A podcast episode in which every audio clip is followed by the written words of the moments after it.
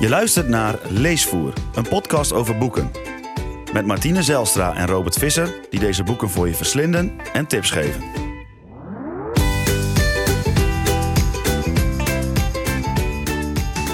Welkom bij de zesde aflevering van Leesvoer. Met deze keer Ik ben er niet van Lise Spit, de boekenluis, lockdown literatuur met notities uit de jungle van Hanya Yanagihara en het verrassingsboek. Beginnen dit keer met Ik ben er niet van Lise Spit. Een Vlaamse jonge schrijfster die eh, al eerder is doorgebroken met haar debuutroman Het Smelt. En eh, dit keer heeft ze ook weer een hele bijzondere roman geschreven, toch Robert? Ja, en een, eh, een boek wat eigenlijk ontzettend fijn wegleest. En dat is de, de reden dat we het eh, ehm, ja, nu gaan bespreken. Ja. Want het is op zich best wel een hele dikke roman. Als je het zo eh, of voor je op de tafel ziet liggen, denk je, wow, eh, dat... ja, het eh, zijn rond de 500 pagina's, denk ik. Hè? Ja. Maar, je, maar wij beiden lazen het echt ontzettend snel uit. Ja. Het leest heel fijn weg. En ehm, ik zei, ik, ik heb hem als eerste gelezen en ik zei tegen jou van ja, dit, dit doet me nou een beetje denken aan een, aan een Netflix-serie of aan een, aan, een, aan een mooie serie waar, ja, waar, je heel, waar je steeds maar door wil lezen, waar spanning in zit, ja. maar wat ook eh, ehm, heel fijn. Ehm, heel fijn wegleest. Ja, het is, het is heel soepel geschreven en, en je- ja, je, je, je wordt helemaal meegenomen in dat verhaal. Daar moet ik ook meteen bij zeggen, en ik ga het toch meteen in het begin zeggen. Ik vond het niet een van de beste boeken die ik heb gelezen Nee. de afgelopen maanden. Maar eh, juist in deze tijd, waarin, waarin er eh, eh, veel naar nieuws is, hè, veel heftig nieuws is ook, vond ik dit een, een ja, ik, ik noem het maar een heel fijn tussendoortje. ja. Het is niet een boek waar je ontzettend diep over na hoeft te denken. Nee, ik had toen je mij vorige week een beetje voor het blok zette van volgende week gaan we Lise Spit lezen. Toen dacht ik, oh ja, ik moet het hele boek nog uitwerken. En toen zag ik hoe dik die was en toen dacht ik wel een beetje van, hoe ga ik dit doen? Eh, Ja, het hielp natuurlijk ook niet dat je pas op donderdag begon nee, met dat lezen. hielp Maar, goed. inderdaad niet. maar je hebt hem gewoon uitgekregen. En dat, en, en, maar dat geeft het ook wel weer. Het is Ja. een boek wat, je, eh, wat, wat heel makkelijk wegleest. En Klopt. ik, eh nou ja, wat ik net zei, wil ik, het, het, het, het, het, is een, het is een fijn boek om te lezen, vond ik. Ik heb Ja. het echt, echt met plezier gelezen. En is het dan briljante literatuur? Dat vond ik niet. Dat vond ik van Het Smel trouwens wel. Dat Ja. vond ik veel beklemmender. Dat gaat over... Het is ook ehm, een, dat is ook een persoonlijke verhaal, omdat zij daar, ja, dat heeft ze niet helemaal precies zo meegemaakt, maar daar zitten wel veel dingen in die ehm, wel heel persoonlijk zijn, denk ja, ik. het smelt gaat eigenlijk over drie kinderen die opgroeien. En twee jongens en een meisje. En die raken in een soort eh seksspelletjes met elkaar eh, verstrengeld. En die, en die jongens eh, dan vooral, die dat, die dat meisje van alles opdringen. En ook andere eh, meisjes in dat dorp.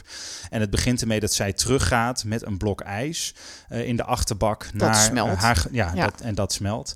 Dat zij teruggaat naar haar geboortedorp.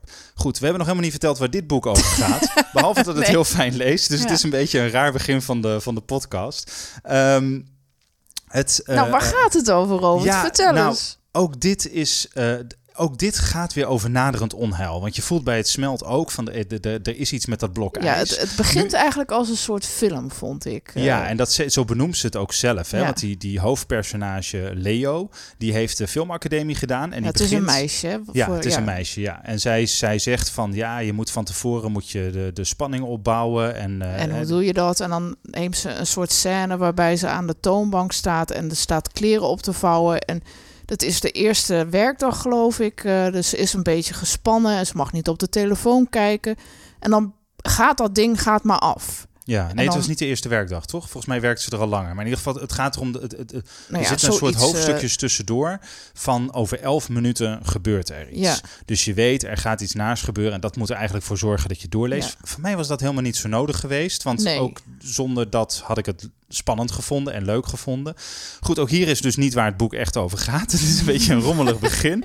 Maar eh, ehm, het, het, het, het, gaat over twee mensen eigenlijk maar. Lotte en Simon. Er komen Ja. verrassend weinig personages voor Nee, in dit nee, boek. nee, dat is niet waar. Het gaat niet over Lotte en Simon. Het gaat Leo over en, Leon. Leo en Simon. Ja, En sorry Simon. Alex. Er zijn er al weinig en dan haal ik ze Ja. door elkaar. Dus je hebt Leo en Simon. Leo Ja. en Simon zijn een stel, eh, wonen in Brussel. En eh, eh, wonen samen en hebben vooral elkaar en hun poes Daan. Ja, en, En, ze zijn eh, een beetje aan elkaar gekleefd, zou je Ja, kunnen en ik geloof zeggen. dat Ze ze- doen alles samen. Ja, en rond de tien jaar wonen ze al, of hebben ze al een relatie. Rond de acht jaar wonen ze samen in een appartement. En zij beschrijft dat als zo klein dat je nooit aan elkaars zicht of, of, ja, ho- hoorafst- of op hoorafstand van elkaar kon komen. Je kan niet aan elkaar ontsnappen. Niet aan elkaars zicht en niet aan, aan elkaars gehoor.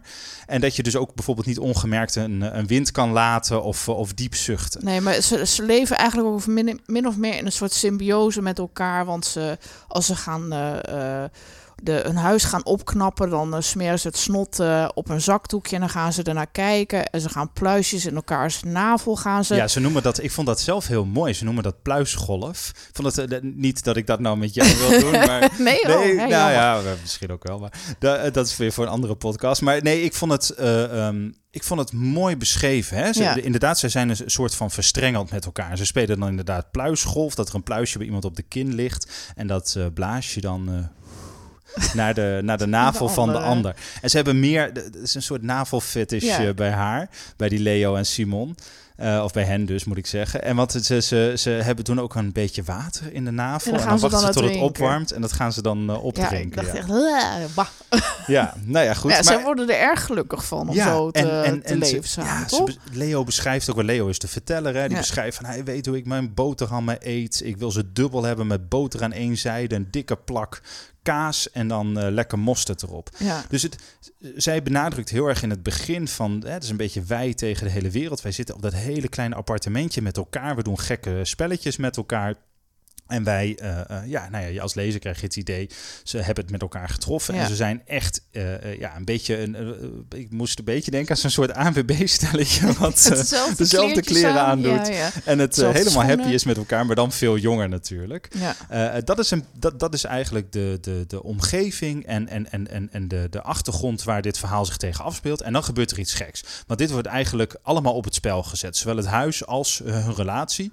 Want Simon komt op een gegeven moment thuis. Nou, hij laat komt niet thuis. Nou, hij komt niet thuis. Hij laat Nee. inderdaad niet weten waar hij is. Zij en dat ziet, doet hij nooit. Zij ziet hem al bijna dood ergens liggen. Hè? Ja, ze gaat greppel. uitzoeken van eh, eh, waar de ziekenhuizen, eh, waar ze contact moet opnemen, wat ze moet doen als iemand in het water belandt, hoe je dan ja, een soort hartritme massage moet doen en allemaal van dat soort dramatische dingen, die komen allemaal in haar hoofd op. En eigenlijk alleen omdat hij niet laat weten waar die is. Ja, maar dan komt hij thuis. Ja, En dan komt hij ook nog eens heel raar thuis. Hè? ja want hij heeft een tatoeage laten zetten bij zijn oor. Op of de achter zijn van zijn oor. oor. Ja. Ja, en dat ze denkt van waarom heeft hij dit gedaan? Ja, Want en- het past niet bij hem eigenlijk. En de periode daarna gebeuren een aantal hele rare dingen met hem. ja, Dus hij eh, stopt met werken. Bij, eh, hij is een soort grafisch ontwerper. Hè? ja, want ze kennen Eh, elkaar ook van de filmacademie, geloof ik. of iets, iets in die trant. Daar hebben ze elkaar leren kennen. En ja, eh, dat, dat, daaruit merk je ook op van... ehm, dat mooie beeld wat zij schetst, eigenlijk van die relatie die ze samen hebben, dat het ook wel een beetje benauwend is. eh. Ja, nogal. ja. En, en het wordt allemaal op het spel gezet. Want volgens Leo wordt Simon opeens heel anders. Ja, Dus, ze, eh, ze vindt is- hem echt eh, heel raar ineens. Ja, je hè? hebt een soort sprookjesachtige schets van hoe fijn ze het allemaal met elkaar hadden. En dan komt die tatoeage op dat oor, stopt Ja. hij met werken en begint hij zelf een eh tatoeëerstudio, of dat wil hij opzetten, die Simon Sprout heet. ja, want En- hij heet Simon Spruit. Ja. En ja, dat, het, dat, daar komt dat spruitje dan weer in naar voren. Maar ook dat hij verschrikkelijk trots is. Ja, wat Spruitje komt naar voren, want dat zijn hun bijnamen. Hè? Spruitje en Pluisje. Nou ja, Ja. goed. eh, los van wat je daar allemaal van vindt, dat, dat wordt dus eigenlijk allemaal op het, op het spel gezet, want de, die tatoeagestudio komt eraan. En eh, ehm, ja, dan, dan begint er een soort onderhuidse spanning tussen hen beiden. Ja, En dat vond ik het meest interessante aan dit boek. Omdat je op dat moment eh, begint af te vragen van wat is er precies met die Simon aan de hand? ja. maar Eh, ook wat- met wat, wat is er met haar aan Ja. de hand? Want ja, ze, ze controleert hem wel op een beetje een merkwaardige manier, vond ik. Eh, ja, daar zou ik het wel een beetje benauwd van krijgen als iemand mij zo in de gaten zat te houden. Zij houdt alles in de gaten. Ja, Wat hij doet, waar hij is geweest, wat hij wil ondernemen. Het Eh, is ja. bijna alsof zij zijn denken eh, voor je uittekent en ook weet hoe dat moet. En op, ja, Ja, maar ook hoe hij zich voelt. Hij, is, hij gedraagt zich ineens heel anders. Terwijl je denkt, ja, in, kun je iemand zo goed kennen dat je dat helemaal kan uittekenen dat er iets niet in de haak is. eh. Ja, en je begint je af te vragen op een gegeven moment, en dat vond ik het sterkste eh, deel van het boek. Wie is er nou eigenlijk eh, aan het doordraaien? Ja. Hè? Is, is hij aan het doordraaien of is zij aan het doordraaien? Of is, dat die, is het ook die relatie die dat met elkaar doet? Nou ja, goed. Eh, ehm, En zo, Die- zoals zij eh hun verleden beschrijft, ehm daarin wordt ook wel duidelijk dat zij allebei een moeder hebben die jong is doodgegaan en dat ze daar wel de nodige littekens op hun ziel he- van hebben overgehouden. En dat ze dat eigenlijk ook bij elkaar ehm, ja, een soort invulling aan geven van dat ze ge- geborgenheid zoeken of, of bevestiging bij elkaar. eh. Ja, en dat zit bij haar heel erg in. Zij vindt dingen snel eng. Hè? Ja. Zo'n personage is het een beetje. Ze, ze werkt bij een eh, zwangerschapswinkel, Buik en Boek heet dat. Ja. Ehm, waar ze ook kledingadvies geeft en zo aan, eh, aan zwangere vrouwen. Ehm, en ja, zij is een beetje bang voor de buitenwereld. Zo kan, je, dat, zo kan je dat eigenlijk wel zeggen. Ja, En- want ze en- heeft eigenlijk dat baantje aangenomen. Terwijl ze gewoon een hele goede opleiding heeft gedaan. Maar daar heeft ze nooit echt iets mee gedaan. Ja, en dat maakte haar, vond ik, tot een ontzettend interessant personage. Ja. Omdat zij wel overal een mening over vindt, ontzettend veel observeert. Ja. Ehm, Maar, maar zelf ook een beetje wegkruipt voor het leven. Ja, ja, Ja. en dat heb je als lezer wel door, maar dat wordt eigenlijk niet zo benoemd. Er wordt heel veel benoemd in dit boek, Ja. Eh, maar dat is heel erg wat eh, Leo eigenlijk ziet. Ja. En daardoor, daardoor werkt dat, vond ik heel erg Ja, goed. je ging je wel een beetje afvragen van... is die jongen nou wel echt zo gek? Of is hij gewoon enthousiast en kan zij daar niet in meegaan? Ja, Eh, precies. Is dit nou iets? Is dit nou een gril van hem, hè? Of gewoon iets, iets wat hij tof vindt, maar zij eigenlijk niet? En Nee. snapt ze het daarom niet en gaat ze daarom niet mee? Ik vond dat spel heel, heel interessant. Nou, Ja. Ondertussen is er dus, zijn er dus steeds hoofdstukjes tussendoor, waarvan 11 minuten tot 0 wordt afgeteld en er iets ergs is gebeurd. Want haar telefoon rinkelt voortdurend. Ja, En dat moet het een soort eh, spanning meegeven. Dit allemaal bij elkaar is, is eigenlijk in een notendop al het boek. Ehm, en daar gaat die 550 bladzijden over. Ik weet nog dat ik ongeveer bij bladzijde 200 was. Dat ik dacht van, nou ja, eh, breid er maar een eind aan. Want in wezen zijn we er nu wel. ja, dat had ik ook. Maar, dat, maar dat gebeurde niet. Nee. En toch las ik door en met heel veel plezier. Ja, dat vond ik zelf ook een beetje En hoe zij hem dat precies geflikt heeft, weet ik niet. Dus ik zei in het begin van deze podcast: het is niet een van de beste boeken die ik heb gelezen. Wel een van de eh, boeken die ik het fijnste heb weggelezen. Waar ik wel, wel echt in. eh, ehm, ja, die, waar, waar ik een beetje eh, in, in- verstopt raakte. Ja, Of, of het is een dus, beetje zoals zo'n Dus niet Netflix- vast raakte, maar dat het je echt meetrok. Ja, ik vond het een beetje zo'n Netflix-serie waarvan je dan halverwege denkt: waar gaat het heen? Nou, nou zou er al wel een eind moeten komen. Maar dan gaat het toch nog door en dan ben je toch nog getriggerd om door te blijven kijken of zo. Ja, en uiteindelijk eh, eh, ook hartstikke terecht. Want ze weet een paar, en daar gaan we gewoon niet te veel over zeggen. Want eh, dat, daarvoor moet je het boek ondergaan. Maar ze weet een paar hele mooie, wat kleinere plotwendingen in dat boek aan te brengen. En, en ze heeft een schrijfstijl die, ja, die ik heel plezierig vind. Alhoewel ze af en toe wel een beetje gekke, voor ons dan gekke, hè, eh, Vlaamse eh, woorden en Vlaams taalgebruik ja. heeft. Ja, het viel mij vooral op dat ze steeds de kleren aan het plooien is. En toen dacht ik, ja, werd kleren aan het plooien en alles wordt geplooid. Dat, ja, dat is niet echt een woord wat ik heel vaak zou gebruiken of vaak zie. Nee, en ze beschrijft ook, eh, het is wel leuk om daarop in, in te haken, ze beschrijft ook van die hele alledaagse dingen. Hè? Dat ze de, de appelcompoten in de magnetron doet. Of dat ze zegt... ik Nee, doe- maar magnetron zegt ze ook Oh nee, niet. magnetron zegt ze niet, hè? Nee, het was een, een ander woord ervoor. eh, wat heel Nederlands klonk, maar denk niemand hier zo zou gebruiken. Ja, wat was het nou? Dat zouden we eigenlijk even moeten ja, nazoeken. micro-warmteoven of iets, iets in Ja. die trant. Dat ik dacht, hè, wat? Oh, een magnetron. Ja, dat bedoel je. Ja. Nee, maar ze schrijft op een gegeven moment ook dat ze oordopjes in de oren doet, want dan hoopt ze dat ze nog wat kan slapen. Kijk, het is allemaal informatie die eigenlijk te veel is. Want dit hoeft helemaal niet in een boekje. Je hoeft niet te weten hoe iemand elke stap zet, hoe die van alles doet. Maar voor hoe Leo haar eigen leven beschrijft, is dat nou juist wel... Dit dit is hoe zij het leven beleeft. En Ik- dit is hoe klein haar er- wereld is. Ja, ik wou net zeggen, ik, wou, ik vond het er heel benauwend van worden. Of, de, ja, ze, de, de, ze zitten zo gevangen in, in dat eh, appartement met z'n tweeën... Dat, je, dat ze zichzelf er eigenlijk niet meer buiten kunnen denken.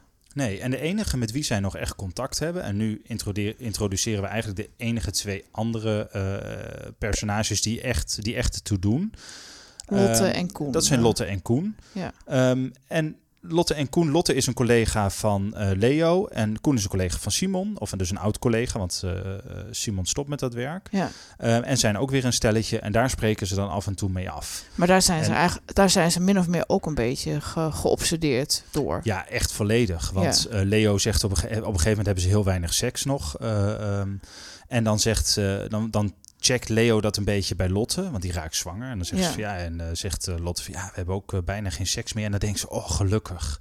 want dan lopen wij geen, geen enorme achterstand op. Ja. Dus ook daarbij is ze weer heel erg aan het testen ja, van, en klopt spiegelen van Ja. wat doen andere mensen, is het nou raar wat wij doen. En, maar ze houdt dat toch ook weer heel erg verborgen hoe dat leven dan met Simon is. Wat daar nou raar aan is, dat, ja, dat, dat, daar kom je eigenlijk pas achter op het moment dat het al de spuigaten uitloopt, zou je kunnen zeggen.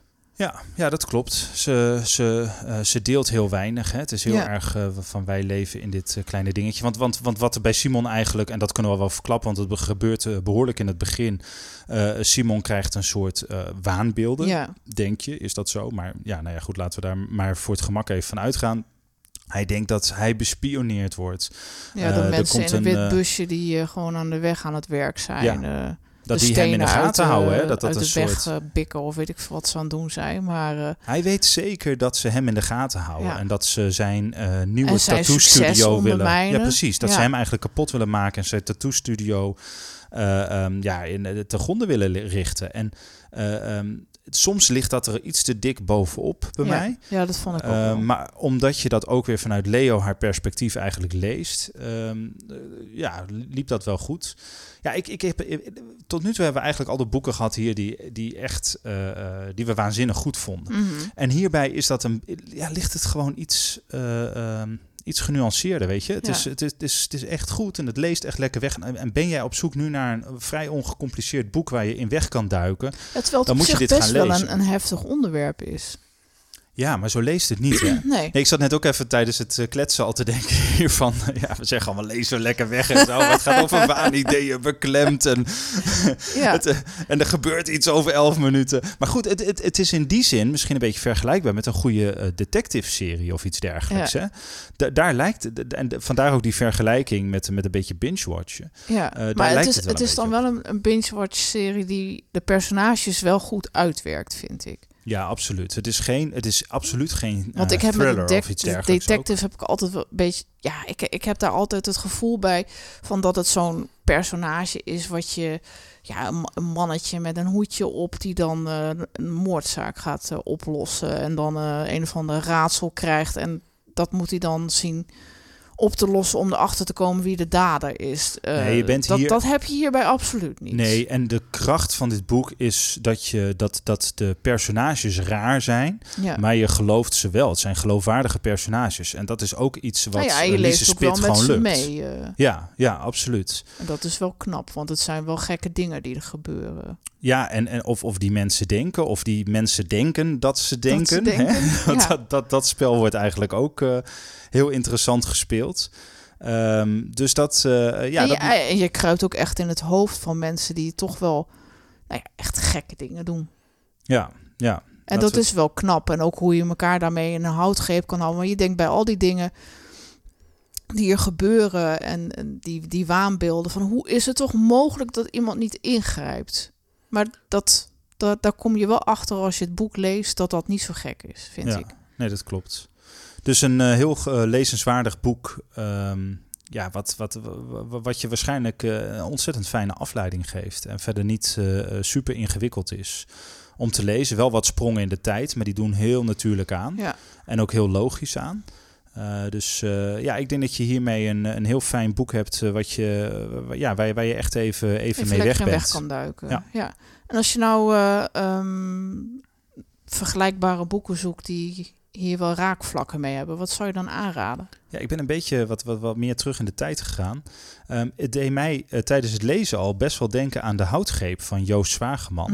Mhm. Zijn debuutroman. Volgens mij schreef hij die toen hij begin twintig was. Ja. Echt ontzettend jong nog. Eh, dat gaat over Adrienne en Ingmar. En die verliezen zich ook volledig in elkaar. Dus je zou bijna kunnen zeggen dat eh, deze mensen eh, uit het boek Lise Spits zijn al tien jaar bij elkaar.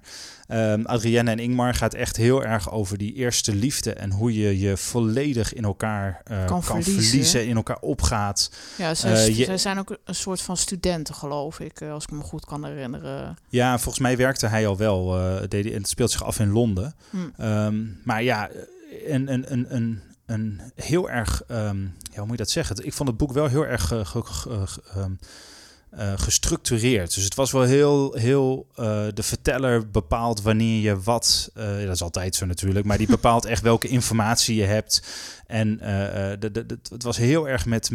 Lise Spit heeft allerlei rare zijzinnetjes. En hè, van ik doe nu appelcompoten in de magnetron, of dat noemt ze dan anders. Maar ik doe me nu een oordopjes in. Ik vond de houtgreep heeft dat eigenlijk helemaal niet. Nee, het is een veel dunner boekje. Ook, ja, en het gaat heel erg over. Um, het, het, het, gaat, het gaat heel erg in op op, op alles wat, wat ertoe doet om het verhaal te vertellen. Dus er zit niks uh, extra's, uh, er zit geen extra vet op de botten, er zitten geen extra dingen, uh, extra vertellen stukjes nee, in, rambam, details. Dus daarin vond ik het soms een beetje te gekunsteld aandoen. Hè? Mm. Maar eigenlijk gewoon een heel mooi boek. En dat, dat geldt voor meer boeken van Joost Zwageman, die volgens mij, volgens mij nog best wel goed gelezen wordt. helaas zo overleden natuurlijk. Maar um, ja, De Houtgreep is toch niet uh, een van zijn bekendste boeken, maar wel leuk om te lezen. Net wat je zei, het is dun, het, je hebt het uh, redelijk snel uit. Uh, het is nog wel een beetje dat, dat hij nog niet de, goede, de, de echte, de hele goede schrijver is die die later wordt. Maar hij heeft wel heel mooi willen vangen hoe mensen zich inderdaad in elkaar kunnen verliezen. Ja. Ander boek waar ik aan moest denken ja, en dit is een van mijn favoriete boeken. Maar uh, dat is Oneetbaar Brood van Floor Haakman. En ik oh ja. denk dat niet heel veel mensen dat uh, gelezen zullen hebben die naar deze podcast luisteren. Nee, dat denk ik ook niet. Die is maar, toch niet zo bekend als Joost Zwageman? Nee, ze heeft, ik weet dat ze daarna nog een boek heeft geschreven. Daarna is ze een beetje in de vergetelheid geraakt. En ik vind dat ontzettend jammer. Oneetbaar Brood was haar debuut. Mm -hmm. um, het, ik ga er meteen bij zeggen, disclaimer, het is een heel raar boek. Maar ik hou ook wel een beetje van rare boeken. Ja. Het is ook een moeilijk boek, maar ik, ik vond het te gek. Het gaat over uh, Nadar, als ik dat zo goed uitspreek, een docent filosofie. En die kijkt eigenlijk heel meewarig naar al die mensen die naar kantoor gaan met hun koffertjes in de handen. Ook een beetje met, uh, hij voelt zich ook wel een beetje beter dan die mensen. Mhm. Maar hij kijkt ernaar en hij denkt van ja, maar dat is niet het echte leven. Uh, het echte leven is eigenlijk ergens anders. En dan begint hij een soort gedachte-experiment over of je ook in een droom kan leven. Of jij niet het leven zelf, hè, als wij zelf kunnen bepalen hoe wij het leven zien, zouden we dan ook niet het leven in ons hoofd zelf vorm kunnen geven. Klinkt uh, Beetje echt een vaag. beetje filosofisch en vaag. En het speelt zich ook voor een heel groot gedeelte af in zijn hoofd. Hij heeft wel een vrouw, Emma, en hij heeft een uh, studente, Osten Sibel. Als je dat zo uitspreekt, ik heb echt Ja. het hele boek toen gelezen, nooit geweten van is het Sibel, is het Sibyl, is het, nee, wat doet het ertoe? Kies maar iets. Um, maar het, het, gaat, o- het is een soort spel met de waan en werkelijkheid. En dat, uh, uh, dat spel uh, speelt Floor Haakman zo verschrikkelijk mooi. Ik heb dat, ik, dit is een van de boeken die ik met kippenvel heb zitten lezen. Mm, weet ik Ehm, wel. Maar het, het en het is ook een tijd geleden dat ik het heb gelezen, misschien al wel twintig jaar geleden of zo. Maar uh, dat kan me helemaal niet trouwens. Ik denk 15 jaar geleden, zo oud ben ik nou ook weer niet. Maar ik vond het een heel gaaf boek, omdat het, dat het zo, ja, wat, wat is echt, wat is niet echt, wat, wat, wat kun je bedenken wat echt is en kun je ook in die wereld leven. Het is bijna de Matrix, hè, Ja. als je daarover nadenkt. Met Dit het was eh, blauwe of het rode pilletje en wat is, wat is werkelijkheid en wat is nep. Ja, dus als je het ophangt aan de, aan de Matrix, dan snap je het wel. Dan denk je van, oh, er is een echte wereld en er is een wereld soort van door computers weergegeven. Dat is dan bij wijze van spreken die droomwereld. Nou, zo'n soort spel speelt Floor Haakman ook. En waarom doet me dat nou aan uh, Lise Spit denken? Ook omdat je daar heel erg in, in, in uh, uh, de waanideeën van iemand zit. Dus we, we hebben, we, uh, en dat je ook eigenlijk uh, het alles erom draait van hoe iemand de wereld ziet. Mhm. Dus is Simon echt zoals wij denken dat hij is? Ja. Of is, of, of is hè, want, want we hebben alleen maar informatie van Leo eigenlijk, wie, wie Ja. Simon is. En zo geldt dat ook bij die Nadar. Je weet alleen maar van die andere personages hun bestaan af door hoe, Door hij, ze hem. Ja. hoe hij ze bespreekt. En is, is dat wel echt... Of is het nep? Of is het, of is het een mengvorm daarvan? Hoe zit dat precies? Nou, het is helemaal niet zo'n uh, dik boekje. Um, maar het, het, het, boekje is mij heel erg, uh, heel erg lief. En ik, en ik, uh, het heeft toen helemaal niet zulke hele goede recensies gekregen. En ik heb dat ja, ergens begrijp ik dat wel, omdat het een vrij moeilijk boek is. Hmm. En ik denk dat je ook wel een beetje eh, van, van wat absurdisme moet houden. En, en ook zeker wel van filosofie en van zo'n soort gedachte-experiment. Maar ik vond het ook heel onterecht, want dit is. Er worden zoveel romans gepubliceerd. Wij lezen heel veel. Hè? Wij lezen meerdere boeken per week. En er worden zoveel romans gepubliceerd die allemaal maar op elkaar lijken. Hmm. En Floor Haakman is iemand die het fantastische lef heeft gehad om een, een echt een vernieuwend, eh, vernieuwende roman op papier te zetten. Die, eh, ehm, die is niet een, een, een, een, een, een, formuleachtige opbouw heeft. eh, eh, van eh, jongen en meisje vinden elkaar en dan gaat het toch weer mis en op het eind gaat er een dood. Ja. Om even heel flauw te zeggen, hè, het is echt een origineel werk. Ja. En dat, dat vond ik te gek. En eh, ehm, ja, haar, haar ro- roman daarna, was dat niet de inborsteling, als ik me ik goed weet het herinner? niet meer goed. Ik kan me alleen dat Hadden we gewoon ook even op kunnen zoeken. Maar volgens mij is het de inborsteling. Eh, eh, was was wat, wat minder, eh, had wat minder lef, vond ik. Ook nog steeds leuk om te lezen. Maar goed, oneetbaar brood. Ja, ik sta een pleidooi te houden voor een boek waarvan ik me afvraag of het nog verkrijgbaar is. Anders vast wel bij de biep of tweedehands. Eh, en nogmaals, als je een wat eh, makkelijk toegankelijk boek zoekt, is oneetbaar brood waarschijnlijk eh, niet echt wat je zoekt. Want Nee. je moet wel een beetje van eh, nadenken houden. Je moet dat leuk vinden. Hè? Niet iedereen vindt het leuk, dat is ook helemaal niet erg. Nee. Ehm, maar als jij wat van filosofie houdt en je houdt hè, van het spel van realiteit en werkelijkheid, ja jongen, dan, dan ga je hiervan genieten. Ja, dat denk ik ook. Ehm, dan gaan we door met de boekenluis. Ja, en dit, we hadden een boekenluis bedacht. En daarna had ik hem eigenlijk weer ingetrokken. Goed, wat hadden we bedacht? Eh, in het nieuws deze week kwam dat eh, de grote uitgeverijen, in ieder geval Balans en Atlas Contact, eh, en er zijn er meer die erover nadenken, alle publicaties voorlopig uitstellen. Ja, Ehm, en ja, ik baalde daarvan. En ik baalde daarvan Want? voor mezelf. Want er komen een aantal boeken aan. Bijvoorbeeld een nieuw boek van Adriaan van Dis. Waarvan ik denk van ja, dat is te gek, weet je. Dat, dat wil ik wel graag lezen. Daar ben ik benieuwd naar. Hmm. Eh, maar zij zeggen wij, eh, ja, we, we kunnen nu niet, eh, de boeken liggen nu niet in de boekhandel. Ehm, en we kunnen geen promotie doen, we kunnen geen boekpresentatie doen, dus we stellen ze uit. En dat vond ik een beetje onzin eigenlijk, want ik dacht, ja, de boekhandel is gewoon open. Of ja, die is dus dicht, maar die ja. is open. Bijna alle boekhandels zijn open, daar kun je gewoon bestellen. Hmm. Dus je kan gewoon bestellen bij je boekhandel en dan komen ze het boek bezorgen of ze ehm, eh, versturen het met de post. Ja. Ehm, dus ik dacht, ja, help ze nou gewoon. Het is zonde als, en nu juist nu willen mensen lezen. ja, je hebt toch Ik- niks te doen. Dus, ja, je eh, zit voor het grootste deel thuis. En helemaal als we nog een avondklok gaan krijgen. eh, op dit moment nog onduidelijk of dat zo is. Maar ja, dan zie ik je s'avonds ook nog meer thuis. Ja, Ehm, dus mensen willen graag iets nieuws lezen. En dan is het fijn als er nieuwe boeken uitkomen. Maar ik ben daar ook een beetje van afgestapt. Omdat de eh, grote uitgeverijen ook zeiden van ja, we wachten expres omdat mensen romans graag willen zien in een boekhandel. Die willen hem willen vasthouden. doorbladeren. Ze willen hem doorbladeren, ze Ja. willen lezen, spreekt mij dit aan. En zomaar online iets bestellen, dat mensen dat toch minder is. doen. En dat boekhandels ook minder verkopen. Ja, Goed, kan ik inkomen. Dus ik zou zeggen, in plaats van een boekenluis, noemen we het nu boekenliefde. Want ik geloof echt, in, en daar ben ik heilig van overtuigd, dat de eh, uitgeverijen het allerbeste met de kleine boekhandels en met alle boekhandels voor hebben. Want ja, ja die zitten in hetzelfde schuitje immers. Eh, Ja. Hoe meer boekhandels, hoe fijner het is. Hoe beter zij ook boeken gaan verkopen. Dus ik, ik geloof eh, eh, meteen nou ja, dus dat maar dat... even geen nieuwe titel meer, maar dan ja, de, de dingen die eigenlijk al uitgekomen zijn, de boeken. Ja, en ik zou het eigenlijk wel gaaf vinden om... Ja, weet je, ik, ik gaf mijn boek Cupcourts over de bekerfinale van FC Groningen... gaf ik vorig jaar uit. En dat was echt tijdens de eerste lockdown. En ik weet nog dat ik met boekhandels in gesprek was... of ze het wilden hebben. En dat een van die boekhandels tegen mij zei... je bent gek dat je nu een boek uitgeeft. Ja. Want eh, ja, niemand gaat dat kopen. Wacht tot de corona voorbij is. Nou, daar kunnen we achteraf best wel om lachen... want dat Ja. is nog steeds niet zo. Nee, dan had je lang Ehm, moeten wachten. Eh, en dat boek heeft eh, prima verkocht trouwens. En, eh, eh, Maar je, weet zelf ook nog wel dat het wel lastig is om dat op dit moment te doen. eh. Precies, nee, maar en, en het is ook gewoon moeilijk. Weet je, mijn boek verscheen precies vijf jaar nadat FC Groningen de beker had gewonnen. Dat was in ja, dus er 2015. zat wel en wilde... tijdsdruk achter. Ja, ik had een hele logisch, heel logisch moment om dat boek te willen publiceren. En uiteindelijk wilde behoorlijk eh, wat boekhandels wilden hem gewoon hebben. Ik kon hem ook online verkopen. Nou ja, en de dat boek boekhandels lezen, waren open. Hè? Dat, is- dat is anders echt- dan nu. Ja, ja, dus eigenlijk is dit gewoon een hele slechte vergelijking. Hou je op, maar... Hou er maar over op. Ehm, nee, ja, jongens, ik, weet je, eh, ik geloof echt dus dat die uitgeverijen gewoon het beste voor hebben met de boekhandel. En ik zou hier graag nog een oproep willen doen. Ehm, als jij van lezen houdt, koop juist nu bij eh, de boekhandel in je dorp, in je stad.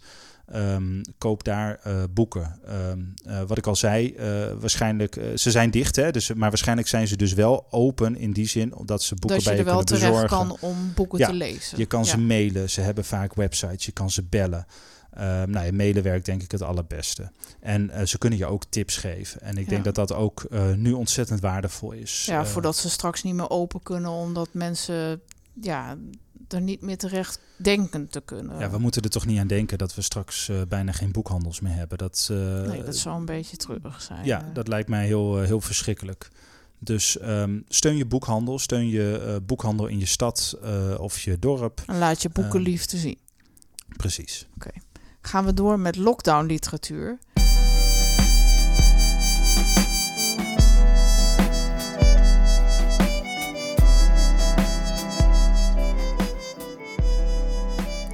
Dat is deze week Notities uit de Jungle van Hanya Yanagihara. En ehm, misschien ken je haar van eh, eh, Een Klein Leven. Maar het eerste boek wat zij schreef gaat over iets heel anders. En dat is namelijk een, het verhaal van een wetenschapper die in Micronesië een nogal bijzondere ontdekking doet. Ehm dan denk je misschien, wat heeft dat in godsnaam met lockdown literatuur te maken? Maar ehm, zij doet een eh, ontdekking die het complete leven op zijn kop zet, omdat het met gezondheid te maken heeft. En als je... Wat heeft het dan met gezondheid te maken? Nou, kijk, eh, de wetenschapper gaat naar Micronesië toe en hij gaat daar naar een volk toe dat in de bomen leeft. En deze mensen zijn stokoud. Zo oud dat je zou kunnen zeggen dat ze min of meer onsterfelijk zijn. Zij eten een, eh, het vlees van een schildpad. En dat dier dat zorgt ervoor eh, dat de mensen die dat beest eten niet meer doodgaan. nou, dat klinkt geweldig, toch? Ja, dat zou je wel denken. Want je, je ziet de krantenkoppen al voor je van... joepie de poepie, eh, niemand gaat meer dood. Nou, een vrolijk boek lijkt me. Nou, dat is een heel vrolijk boek, zou je denken. Maar dat is dus niet zo. Want het is nogal een bewerkelijk proces... om ervoor te zorgen dat je dan ook daadwerkelijk niet doodgaat. Dat je dat in een pil kan stoppen. Zo makkelijk is het dus niet. Dus het wordt iets wat eigenlijk alleen toegankelijk is voor hele rijke mensen. En die maken daar dus ook enorm misbruik van. Dus het begint heel erg als een, als een eigenlijk een, een wetenschapper, een antropoloog, Ja. dan denk ik, die daarheen. Ik heb het zo boeks namelijk zelf niet Nee, gelezen, dat klopt, jij wel. ik wel. Maar je, je, je, eh, het begint met iemand die gefascineerd is door die stam. Die denkt, die mensen wonen in bomen en wat gaaf. Ja. En, en nou, oh, nee, dat wil ik in kaart niet brengen. zozeer. Het, het is echt een. Het komt overal als een beetje een droog boek. Wat je eh, leest alsof het echt een wetenschapper is die het heeft geschreven. Dus eh, Het is een soort- soort wetenschappelijke verhandeling. ja, een soort, eh, alsof hij eh, een, eh, een veldonderzoek heeft gedaan. En dat hij dan gaat, heel droog gaat vertellen wat hij dan eh, gezien heeft. En eh, compleet met eh, noten erin. En dat je denkt, eh, oké, maar dit is dus eigenlijk een hele bijzondere ontdekking. Maar dat moet je er zelf een beetje uitdestilleren. Oké, en dan, maar dan gebeurt er dus iets geks mee. Ze komen erachter dat komt door die schildpad. En dan willen ze die, de- eigenlijk dat, dat middeltje willen ze in een soort onsterfelijkheidspil stoppen. Ja, daar komt het min of meer op neer. En dan Eh, krijg je grote ongelijkheid. En Ja. ik, ik, zoals jij het nu schrijft, lijkt het te gaan over, over hele vergaande gevolgen van dingen die met gezondheid te ja, maken dat klopt. Dus het is een soort anti-COVID, zou je kunnen zeggen, anti-coronavirus. ja. Ehm, omdat het je niet eh, ziek maakt of eh, je er zelfs Nou ja, dood kijk, aan gaat. Dat is Maar niet je- helemaal waar. Want Oh, je- kijk, als je de pil. Het is een beetje een verraderlijke pil, want je moet hem blijven slikken. Als je namelijk eh, ermee ophoudt, dan ga je dus wel de pijp uit. Dus je, je bent, zodra je dit Ah. pilletje inneemt, ben je min of meer veroordeeld om het je hele leven te blijven slikken. En als zoiets knetterduur is, Ja, ja, dan, eh, dan, dan zorgt dat er dus voor dat mensen wel een beetje in een spagaat belanden. Want ja, je wil natuurlijk wel blijven leven en ook onsterfelijk blijven. Maar ja, als je daar zodra je daarmee ophoudt, dan heb je wel een heel groot probleem. Een mooi boek dus ook, eh, kan ik me voorstellen. Ja. Alle consequenties die het heeft, de gevolgen, de, de dingen waar je allemaal om moet denken. En dat het allemaal veel ingewikkelder is dan dat het lijkt. Ja, dus dat je ja, wel een mooie ontdekking kan doen, maar dat je wel helemaal moet nagaan wat daar dan de gevolgen van zijn. En dat dat niet heel, niet heel eenvoudig is eh, als, je daar, eh, als je dat maar gewoon doorvoert. Nou, klinkt, uh, klinkt ontzettend interessant. Ik denk dat eigenlijk uh, zou ik hem zelf nu ook al willen Zou je zo'n pilletje nemen, Robert? nee, nee, nee, Nee, dat sowieso niet. Nee, ik geloof zelfs dat de sterfelijkheid het leven voor een groot deel glans geeft. dus eh, dat, dat je weet dat het leven eindig, eh, eindig is. eh, eh, zet, zet veel op het spel. Eh, niet alleen in de literatuur, maar ook voor je eigen leven. En dat maakt het eh, fascinerend. Misschien raar om nu te zeggen tijdens het coronavirus, hè, dat er zo'n eh, gruwelijk virus eh, rondgaat. Mm. Maar ehm, nee, ik geloof dat juist dat wij eh, sterfelijk zijn ehm, en niet eh, eh, eh, maar honderden jaren kunnen leven, dat dat het, het leven soms Dus moeilijker maar maakt, maar ook een stuk interessanter. maken. Ja, precies. YOLO zou ik bijna zeggen. nee hoor. misschien kunnen, misschien kunnen we nog wel eens het, het thema maken van het eeuwige leven. Waar we ook best een thema over zouden kunnen maken. En ik hoop dat dat ervan komt, is lockdown literatuur. We hebben deze ehm, rubriek natuurlijk bedacht toen we in lockdown gingen. Ja, en toen En- hoopten we eigenlijk dat we na vijf afleveringen wel klaar zouden Ja, zijn. ik weet nog dat ik het eh, met eh, Wouter Holsappel over had, eh, die ons fantastisch helpt bij het maken van deze, deze podcast van, van KVM Media. En dat Wouter toen zei van nou, ik zou maar wat meer afleveringen bedenken. Oh, wat meer op- wel van de rubriek. Oh, ja, ja, heel slim. En daar heeft hij gelijk in gekregen. had en, hij een eh, lijntje met Rut. Nee, Nee? dat volgens Nee, mij jammer. niet. Nee, nee. Hij maakt wel ook een politieke podcast, eh, Grote Markt 1, maar dat gaat over de politiek in Groningen. Ah, eh, oké. Nee. die hebben van alles te zeggen, maar ik denk niet zoveel over het coronabeleid. Hoe dan ook, we hebben, we- ja, weet je, wij, wij beginnen met elkaar te kletsen en dan eh, is het een beetje als een omgevallen boekenkast. Niet zozeer in deze podcast, maar wel als wij normaal met elkaar kletsen. Dus we hadden al snel, geloof ik, 20 afleveringen voorbereid. Ja. Nou, waarom hoop ik nou dat we een special kunnen maken? Dat Omdat we ik er toch wel klaar hoop dat we? 20 afleveringen, 20 weken in die lockdown zitten. Ehm, en als we dus nog langer in die lockdown eh, moeten, dan gaan we een special maken. En dan eh, doen we het op die manier, toch? Dan sluiten we het op die manier mooi Ja, dan af. sluiten we het op die manier af. En met, hopen dat eh, we er nooit meer leuke boeken die je had kunnen lezen tijdens de, tijdens de lockdown. Ja, om even vrolijk mee af te sluiten. Komen we aan bij het verrassingsboek. Ja, en het verrassingsboek is natuurlijk eh, een boek wat wij eh, voor je uit kunnen kiezen. Je kan ons eh, vertellen welk boek, wat voor boeken je graag leest, wat voor genre, wat voor soort boeken je heel goed vond. Ehm, en dan kiezen wij een boek voor je uit. Ja. En dat is dus een verrassing, dus vandaar het verrassingsboek.